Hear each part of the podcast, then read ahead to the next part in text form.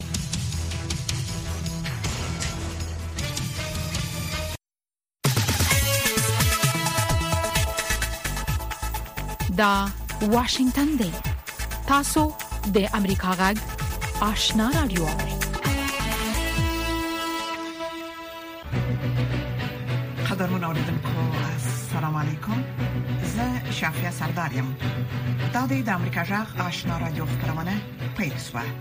لومړی به خبرونه واوري السلام علیکم زه رضوان یوسف زیم تاسو خبرونه اورئ د ماشومانو د ساتنې اداره سیف د چلډرن وایي چې په افغانستان کې د بشري مرستو نه د اړو 2 میلیونو کسانو د حذفولو تر ټولو زیات زیان ماشومانو ته رسیدي او نړیواله ټولنه باید دغه ناورین مخه ونیسي د ملګرو ملتونو د خوړو نړیوال پروګرام تیرونه اعلان وکړ چې د بودیجې د کمښت لامل مرستو ته اړ 2 میلیونه نور افغانان هم د خپل مرستو د ویشلو لیست نه وباسي او د اداره بل دی ورسته هر میاشت یو 3 میلیون کسان ته د خوړو مرستې برابرې کړي د ماشومان د ساتنې ادارې د پریکړې د اندېښنې وړ او زیان راوړونکي بللې ده د ادارې د افغانستان د دفتر مشر ارشاد ملک د چهارشنبه په ورځ په اعلامیه کې نړیوال ټولنې نوښت د افغانستان د خلکو سره په کړو جبنو دي عمل وکړي د افغانستان او پاکستان ترمنځ د تورخم په سرحد کې د چهارشنبه د ورځې د جګړې وروسته طالبانو او پاکستاني سرحدي ساتونکو ترمنځ د خبرو سره سره لا هم د سرحد د پنځشنبه په ورځ سپټمبر 1 بیرته نه دی پرانستل شوی د تورخم په سرحدي سیمه کې ځینو سرچینو امریکا غږ ته ویل چې د سرحد په دواړو خواو کې د طالبانو او پاکستاني امنیتي ځواکونو د تیارسي په حال کې په مرچلو کې ځای په ځای شوې ده دغه سرچینو ویل چې د لارې د بندولو لامل د سرحد دوړو خواو ته د سلګونو مسافرو سربېره په پسبو ترکاری او تازه میوو بار لارې بندي پاتې او د لارې د پرانستلو انتظار باسي یو سرچوري د نوم د نخولو په شرط امریکا غږ ته ویل چې تیر ورځ د طالبانو امنیتي ساتونکو د تورخم سرحد سره نږدې د کاچاکي مالونو د لیک دی ویل دی ویلارې په سر کې چې د کچرو په لاري شهرت موندل دي د یو امنیتي پوسټي د جوړولو هڅه کوله چې د پاکستان د سرحدي ځواکونو لخوا مخالفت شو او په دغه سیمه کې د دوه خواو ترمنځ د جګړې سبب شو پاکستانی چارواکي وایي چې د خیبر پښتونخوا د چترال په سیمه کې د اورپکو او امنیتي ځواکونو ترمنځ نښته شوې چې څلور عسكر او 12 اورپکي پکې وژل شوې دي د پاکستان پوځ ویلي چې اورپکي په مجهزو وسلو سمبالو او د افغانستان سرحد ته نږدې د پاکستان د کیلاش په سیمه کې په دوو پوستو بریدونه کړي دي د پاکستان د پوځ په اعلامیه کې راغلي دي چې افغان طالبانو ته خبر ورکړو چې د افغانستان د نورستان او کونړ په ولایتونو کې ترګر فعال دي او یو ځل بیا لاغوي غوښتي چې اجازه ورنکړي د افغانستان له خاورې نه په نورو باندې د بریدونو لپاره استفاده وشي افغان طالبانو په وار وار دا خبره کړې ده چې هیڅ چاته به اجازه ورنکړي چې د افغانستان له خاورې نه د نورو په ضد کار واخلي د امریکا د متحده ایالاتونو د بهرنیو چارو وزیر انټونی بلینکن د چهارشنبه پر ورځ سپټمبر شپږمه کیف ته لاړو د یوکرين سره د سباندې 1 میلیارډ ډالر نوې مرسته اعلان وکړ د انټونی بلینکن دغه سفر نیټه مخکې اعلان شوې نه و بلینکن وویل چې دا مرستې به د یوکرایني ځواکونو سره د روسیې د ځواکونو د بریدونو په مخنیوي کې مرسته وکړي په یوکراین باندې د روسیې له يرغل وروسته متحده ایالاتونو د کیف سره سباندې 30 میلیارډ امنیتي او تسلیحاتي مرسته کړې یوکراین وایي چې دا مرستې د روسیې د يرغل په مخنیوي کې حیاتي دي د امریکا د بهرنیو چارو وزیر انټونی بلینکن د یوکراین د بهرنیو چارو د وزیر دمیټری کولیبا سره په ګډ خبري کانفرنس کې ویل موږ په دې مشترکې هڅه کې نوې مرستې اعلانوو دغه امریکایي مقام همدغه راز اعلان وکړ چې متحده ایالاتونه د یوکرين د غلجاتو د انتقال لپاره د بدیلو لارو د موندلو په اړه باندې کار کوي ارمنستان د پنځشنبه په ورځ آذربایجان تورن کو چې د ګډې پولې په اوګدو کې او د ناګورنو قرباغ سیمې ته نږدې د خپل ځواکونو په ګمارلو سره لمسون کې پوزي اقدامات کوي په ورستیو میاشتو کې د باکو او ایران ترمنځ کړکېچ په چټکۍ سره زیات شوی ځکه چې دواړه دښمني ډلې یو بل د سرحد بریدونو په پیلولو تورنوي د ارمنستان صدر اعظم نیکول په یوکرين په ایروان کې د کابینې په غونډه کې ول په سیمه کې پوځي او سیاسي وضعیت په جدي توګه خراب شوی دی هغه زیاته کړ چې آذربایجان خپل ځواکونه په پوله او هم دغه ډول د ناګورنو قرهباغ غرنۍ سیمه ته نږدې چې د بیلتون غوښتونکو تر کنټرول لاندې دي ځای په ځای کړی دی د شمالي اتلانتیک تړون ناټو عمومي منشي ینز سټولټنبرګ د پنجشنبې په ورځ سپټمبر 9مه وویل چې اوکرایني ځواکونه په دې بریالي شوي چې د روسیې دفاعي لیکې ماتې کړي او د مسکو د ځواکونو پر ضد د ځوابي عملیاتو په برخه کې پرمختګ وکړي سټولټنبرګ د اروپאי اتحادیې قانون جوړونکو ته وویل یو اوکرایني ځواکونه رو رو پر مخ وړاندې ځي دا پرمختګ زموږ د ملاتړ اهمیت او دغه ځواکونو نه د ملاتړ د دوام لپاره زموږ وړتیا او لیوالتیا څرګندوي د ناټو عمومي منشي زیاته کړه چې د 2022م کال په فروری کې په یوکراین د برید په مهال روسیې د نړۍ دویم پیاوړی پوځ لرلو خو د نوموړي په وینا اوس د روسیې پوځ په یوکراین کې دویم پیاوړی پوځ دی هغه زیاته کړه دا یو درنه او سخته جګړه ده خو یوکرایني ځواکونه توانیدلی چې د روسیې ځواکونو دفاعي لیکي مات کړي او پرمختګ وکړي قدرمن اوریدونکو دا و د دې وخت خبرونه خبرونه مو د امریکا جغ آشنا رادیو څخه واوریدل قدرمن اوریدونکو زموږ په دې خبرونه کې د افغانستان سیمه او نړۍ د اوسنوي حالاتو په اړه کې مهم مطالب لرو هله د خبرونه تر پای واوري لومړی به دا راپور واوري چې پاکستاني چارواکي وایي د خیبر پښتونخوا د چترال په سیمه کې د اورپاکو او امنیتي ځواکونو ترمنځ نشته کې لږ تر لږه څلور سرتیري او 12 اورپاکي وژل شوي دي د پاکستان پوځ ویلي دي چې د اورپاکو په مجهزو وسلو سمبال وو او له افغانستان سره کرښې ته نږدې د کیلاش په سیمه کې پر دوو پوسټو بریدونه کړي دي نور حال پر رپورت کې وایي د پاکستان پوځ تایید کړ چې په چترال کې په وسلوال نښته کې څلور پوځیان وژل شوي او زیاتوي دولس مخالف وسلوال هم وژل شوي دي د پاکستان د پوځ په اعلامیه کې راغلي چې افغان طالبان ته خبر ورکړی و چې د افغانستان د نورستان او کونړ په ولایتونو کې ترهګر فعال دي او یو ځل بیا یې له هغوی غوښتي و چې اجازه ورنکړي چې د افغانستان خوره پر نورو د بریدونو لپاره استفاده شي افغان طالبانو په وار وار ویل چې هیڅ چاته به اجازه ورنکړي چې د افغانستان له خاورې څخه د نور په ضد کار واخلي پاکستاني طالبانو ویل چې د پاکستان د پاوت ځینې پوسټې نیولې دوی ادعا کوي چې 15 پاکستاني سرتیري وژلي دي. دوو کالو کې د ټي ټي پي مسلسل بریدونه روان دي او په اګست څټ ته څه کوم میاشت وه ده کې د ټولو نه زیات بریدونه ټي ټي پي کړي دي نو دا پاکستان دا دریس ټي ټي پي د افغانستان نه راځي دې کې هغه څه حقیقت نشته لکه څنګه دا پالیسی ساز ادارې د خلکو ته یو غلط تاثر ورکوي پاکستان کې نن ټي ټي پي شته خوره وره ده د دې دریز په خپل ځای خو د دې تعداد ورځ په ورځ زیاتیږي د دې عملیات ورځ په ورځ زیاتیږي بلخوا یوې سرچینې د نوم نه خودلو په شرط امریکا غاکته ویل چې د چهارشنبه په ورځ د طالبانو امنیتي ساتونکو په تورخم کې کرخه تنګدي د قاچاقي مالونو د لیک د ویلارې په سر کې چې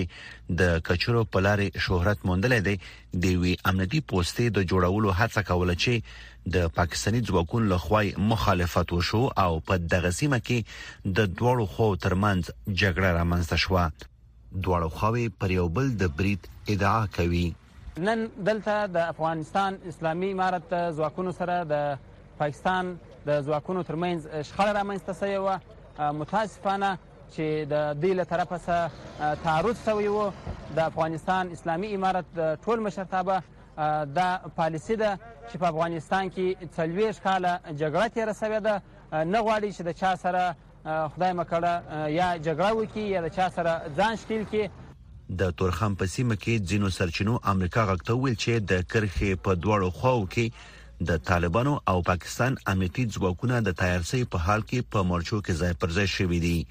د وسرچینو ویل چې د لارې د بندیدو له امله د دروازې دوړو خواو ته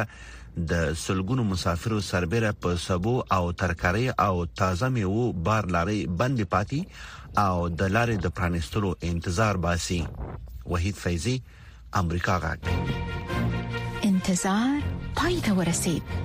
ترنو لیدونکو او اوریدونکو تاسو کولی شئ د امریکا غږ ټلویزیونی او رادیوي خبرونه د یاشر ساتلایت له طریقو وګورئ او واورئ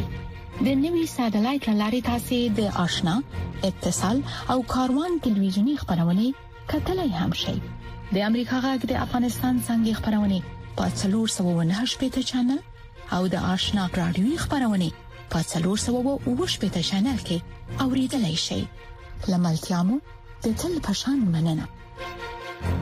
درنوریدونکو په افغانستان کې د امریکا په خوانی سفیر آرل انټونی وین ویلي چې دا مهال د امریکا او طالبانو ترمنځ بې باوري زیاته او د دې امکان چې امریکا د طالبانو حکومت په رسمیت وپیژني کم دی انټونی وین زموږ د همکار احمد الله ارچوال دې پښتنې ته چې افغانستان کې به طالبان بیا واکمن کیږي داسې ویلي زه چې په 2009 کال کې افغانستان ته ولاړم طالبانو د افغانستان په ځینو سیمو کې یقینا د نفوذ کولو هڅه کوله د افغانستان حکومت او امریکا د طالبانو د دوهم ځلي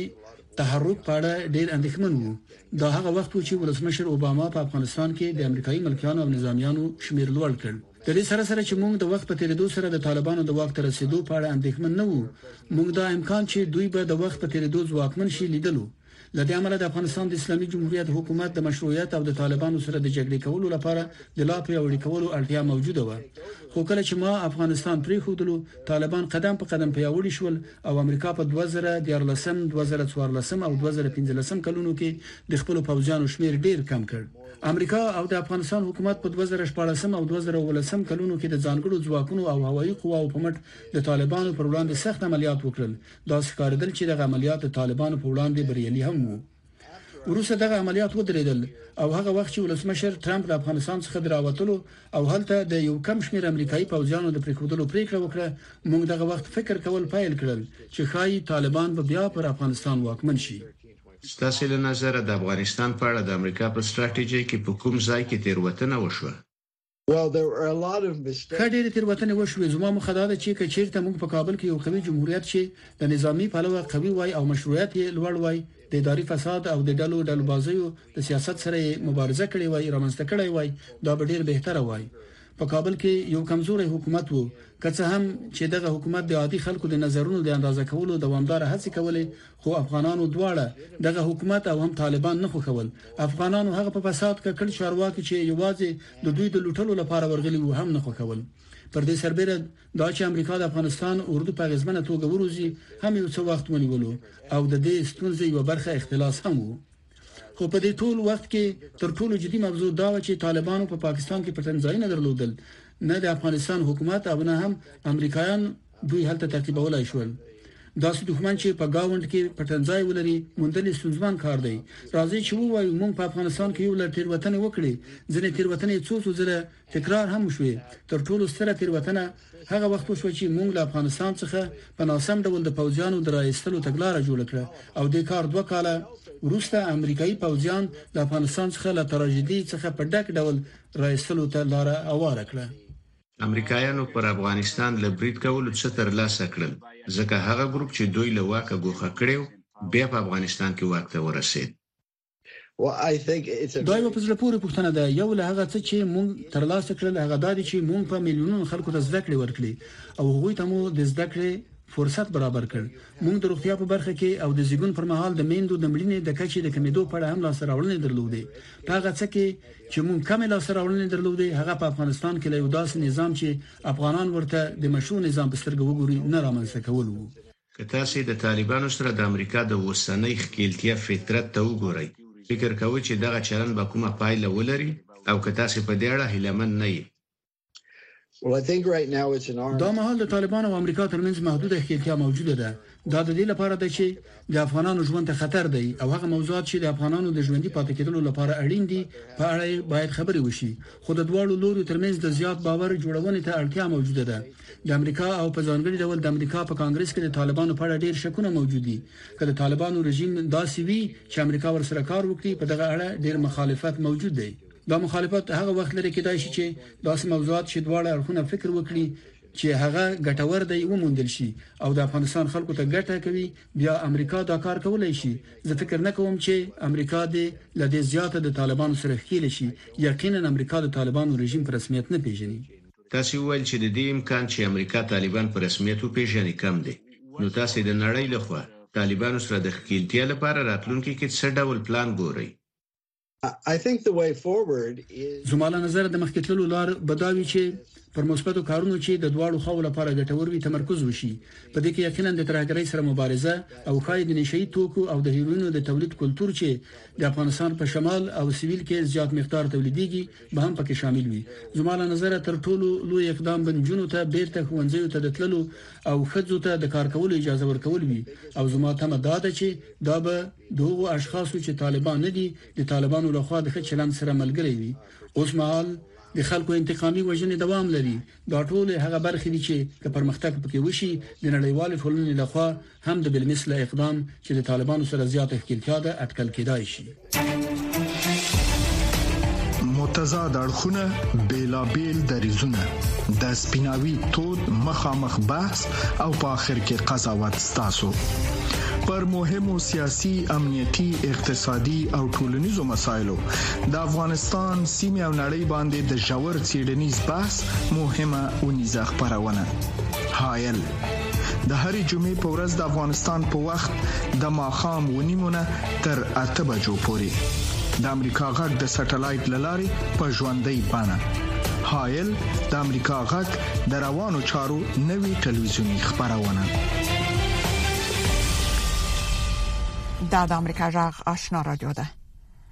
د متحده ایالاتو د بهرنیو چارو وزیر انټونی بلینکن د چهارشنبه په ورځ اوکراین ته د سفر په مهال له هغه هیواد سره د امریکا تازه 1 میلیارډ ډالر مرسته اعلان کړه دا پر اوکراین د روسیې د يرغل د پیل راهیسې څلورم ځل دی چې بلینکن یاد هیواد ته سفر کوي نور حال زموږ د همکار سمیع الله جلالزی څخه واوري د امریکا د بهرنیو چارو وزیر انټوني بلینکن وویل متحده ایالات د اوکراین سره مرسته کوي څو نه یوازې د روسیې د پراخ پوځي يرغل څخه راووځي بلکې بریا ترلاسه کړي بلینکن له اوکراین سره یو میلیارډ ډالر اضافي مرسته اعلان کړه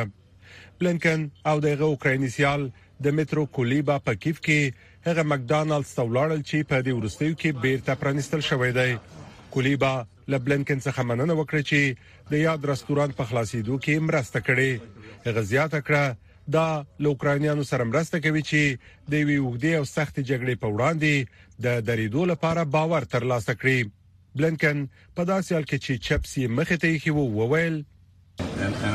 په مکډانالز کې زموږ ملګري ډېر لېوالو چې بېرته اوکراین ته راشي، بېرته کیف ته راشي او موږ یو بل ته وایو دا چې دوی بېرته ستانه شوي،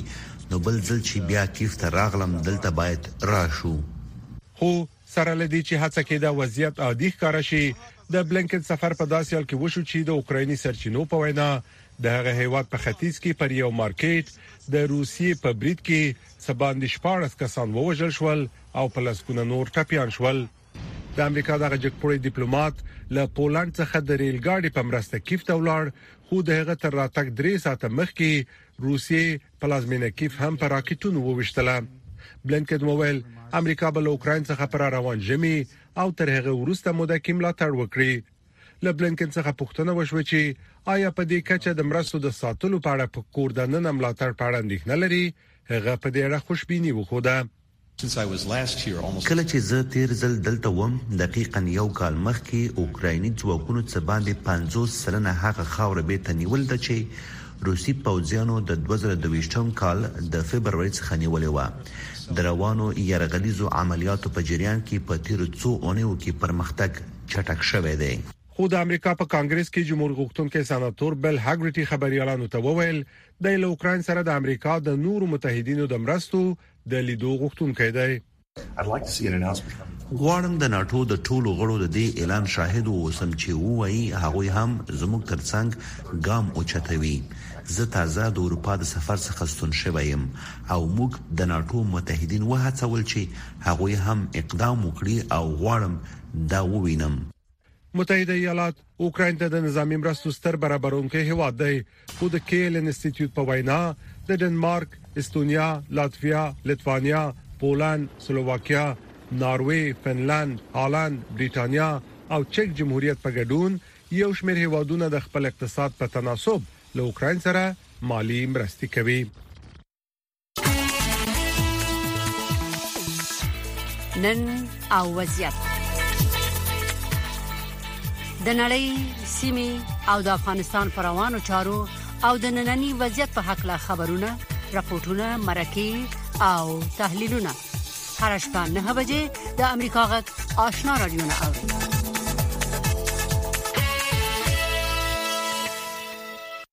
رپورټونو ته دوام ورکوو د امریکا کانګرس لوي میاشتې رخصتي ورسته بیرته کار پیلوي او ګڼ شمیر مهمه پریکړه مخه ته پرتی دي د اوکرين سره د مرستو په اړه له اختلافاتو نیولې د جمهور رئیس بایدن تر مؤاخذه کولو پورې تر ټولو لومړیتوب د امریکا د فدرال حکومت د بودیجې منځوري وي چې باید د اکتوبر تر لومړۍ نیټه ووسي یوازې لس کاري ورځې پاتې دي چې د امریکا د فدرال حکومت د راتلونکي مالی کال بودیجه منزور سي کني د سپټمبر پر 13مه حکومت باید وتړل سي او تر اوسه داسې علائم نه ښکاري چې د جمهور غوښتونکو په واکي د استادو جرګه او د سنا مجلس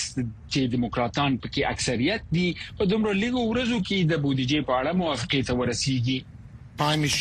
وخت لږ دی او یوازنۍ لار یوازنۍ لار چې د حکومت د بندیدو مخه نیول کیدای شي د استازو جرګه او د سنا دواړه باید له ګوندي سیاستونو را ووځي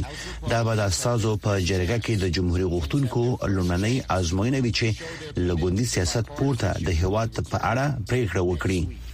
خو د استازو د جرګې رئیس کیون مکارتي وار له مخې د خپلو محافظه کارو ګوندي ملګرو لخوا له دې امله تر نیوکو لاندې دی چې څه موده وړاندې د امریکا د پور وروستي حد د پورته کولو په خاطر د دیموکراتانو سره موافقه کړې وه دی استدلال کوي چې دا ځل هم د یوې لنډې مودې موافقه به جمهوریت غوښتونکو ته دا فرصت ورکړي چې د بودیجې په اړه مفصلې خبرې اترې وشي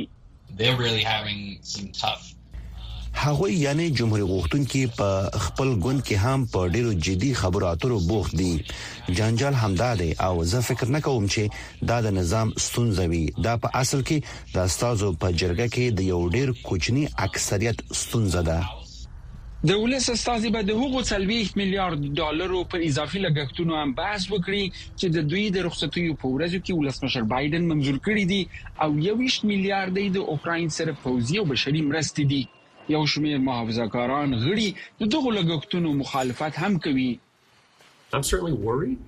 زه ډېر اندېښمن یم چې د اوکراین سره د مرستو پر موضوع د استازو د جرګې جمهوري غوښتونکي غړي ډېر بې زړه دي. تر دې بل بد وخت نه شي کېدلی چې هلته پرمختګ پیل شوی او دلته موږ دا وښیو چې د اوکراین د ملاتړ کولو په اړه په امریکا کې اختلافات لرو د اوکراین یو تر ټولو غښتلی ملاتړی په سنا مجلس کې د جمهوریت غوښتونکو مشر میچ مکانل دی چې تر رخصتۍ وروسته خلک لیدو ته لیوال دي د په رخصتیو کې یو ځل بیا د خبرو پر مهال فریز یا حق پک پاتې سوی وو خو مکانل په خپل د هغه د روغتیا په اړه اندېښنې بې ځای بللې دي هغه یوه ځانګړې پېښه زما په کور کې رامنځته شوې وه، په رسنیو کې یوه اونۍ وشاربل شوه، خو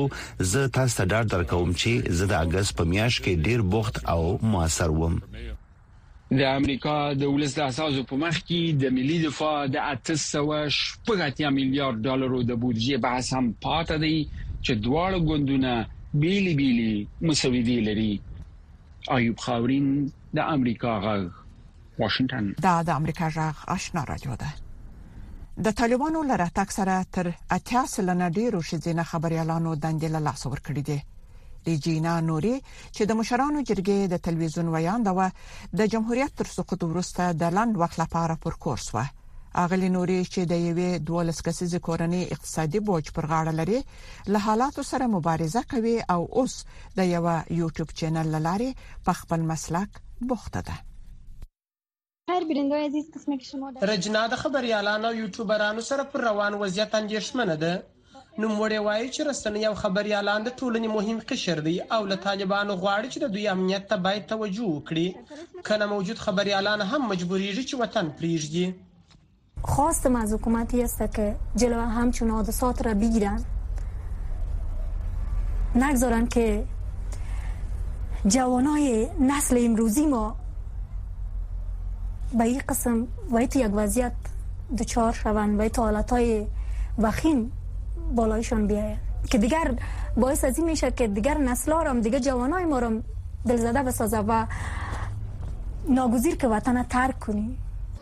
په افغانستان کې د رسنیو او خبریالانو د ملاتړ ادارو تل د طالبانو له لوري پر رسنیو له لګول شویو محدودیتونو سر ټکولی دی دغه ادارې له نړیوالې ټولنې هم غواړي ترڅو په افغانستان کې د مالي ملاتړ په برخه کې د رسنیو لاسنیوي وکړي چیرې د اسلامي امارات اداراتو رسنیو او خبريالانو سره کومه ستونزه ولري دا هغه قانوني او اصولي لارې د تخطیو کمیسیون دی چې د هغه لارو نه دغه مسائل تعقیب کی او البته تر تعقیب لاندې راوړي او بوله اقتصادي ستونزه ده چې نړیوال بنسټونو د افغانستان رسنیو ملاتړ وکړي شنونکي وايي چې پخوا د ستونزو په رسولو کې ښځینه خبریالانو ځانګړی رول درلود. د دوی په خبره چې د ښځینه خبریالانو رول د میرمنو د ستونزو په حل کې اړین دی. د ښځو غږ، د ښځو رنج او درد به څوک واوري او څه رقم به چارواکو ته ورسي، څه رقم به نړیوال ته ورسي چې په دلته څه واقع وشو. موږ په جمهوریت کې د دې شاهد وو چې بعضې واقعات به په لرو پرتو سیمو کې کیدلی چې یوازینی چا چې به راپور پورته کړ هغه به یو ژورنالیست وو یو خبریال به وو چې هغه به د دغه ښځې یا د دغه فامیل یا د دغه شخص غږ به اوچت کړي چې دغه په طریق څو چې اصلاحات منځته راشي د بې پولي خبریالانو ادارې یا آر ایس اف په خپل وروستي راپور کې ویلي چې د طالبانو له راتګ سره اتیا سلنه ښځینه خبریالانو خپلې دندې له لاسه ورکړې دي.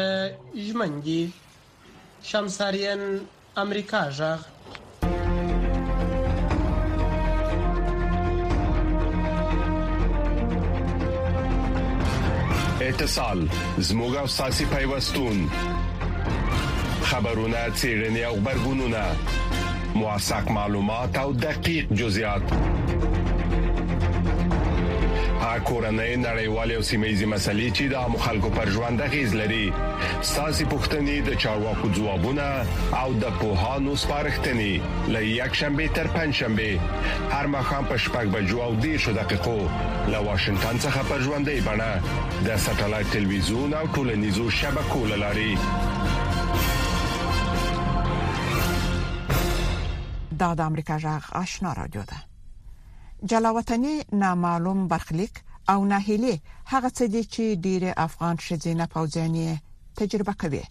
پر افغانستان د طالبانو له واکمنېدو وروسته په زورګونو د جمهوریت د وخت نظامی مامورین هواد پرې شیدو ته مجبور شول ساتنمنه نازدانه حسینی یو له همدې جملې ده هغه د امریکا ځخ سره په خبرو کې ویلي چې د طالبانو لویری پر نظامی یونیفورم د نوم او نشان سوځل ورته د ژوند هلته اور اچول دي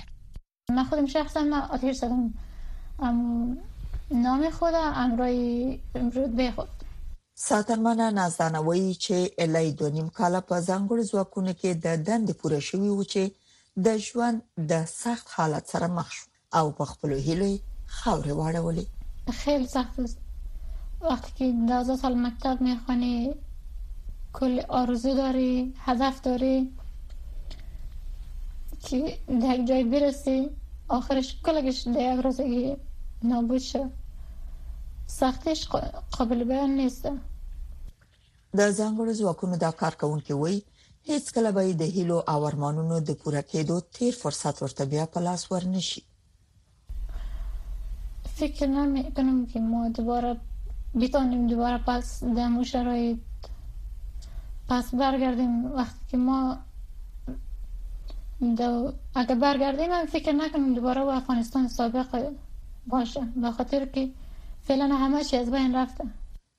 څلور ویشت کلنه نازدانه چې اوس په امریکا کې اوسېږي، په افغانستان کې پاتې ملګرو ته چې د خطر سره مخ دي، ډېره کړېږي. الله خاطر رکونا زندگی شان در خطر هستن حتی از وقتی که افغانستان سقوط کرده اونا نه در خانه هستن نه در یک جای مشخص هستن همیشه در حال حرکت هستن تا اونا را نتانه پیدا کنن د نورو افغان مهاجرو په څیر نازنه هم په امریکا کې د نوي ژوند د پیل د سختۍ یادونه کوي خیلی سخته های خیلی زیادی را کشیدیم از زبان از هر لحاظ وقتی که ما مثلا نه آمده بودیم یه چیز رو نمیفهمیدیم گویا که این طفلی که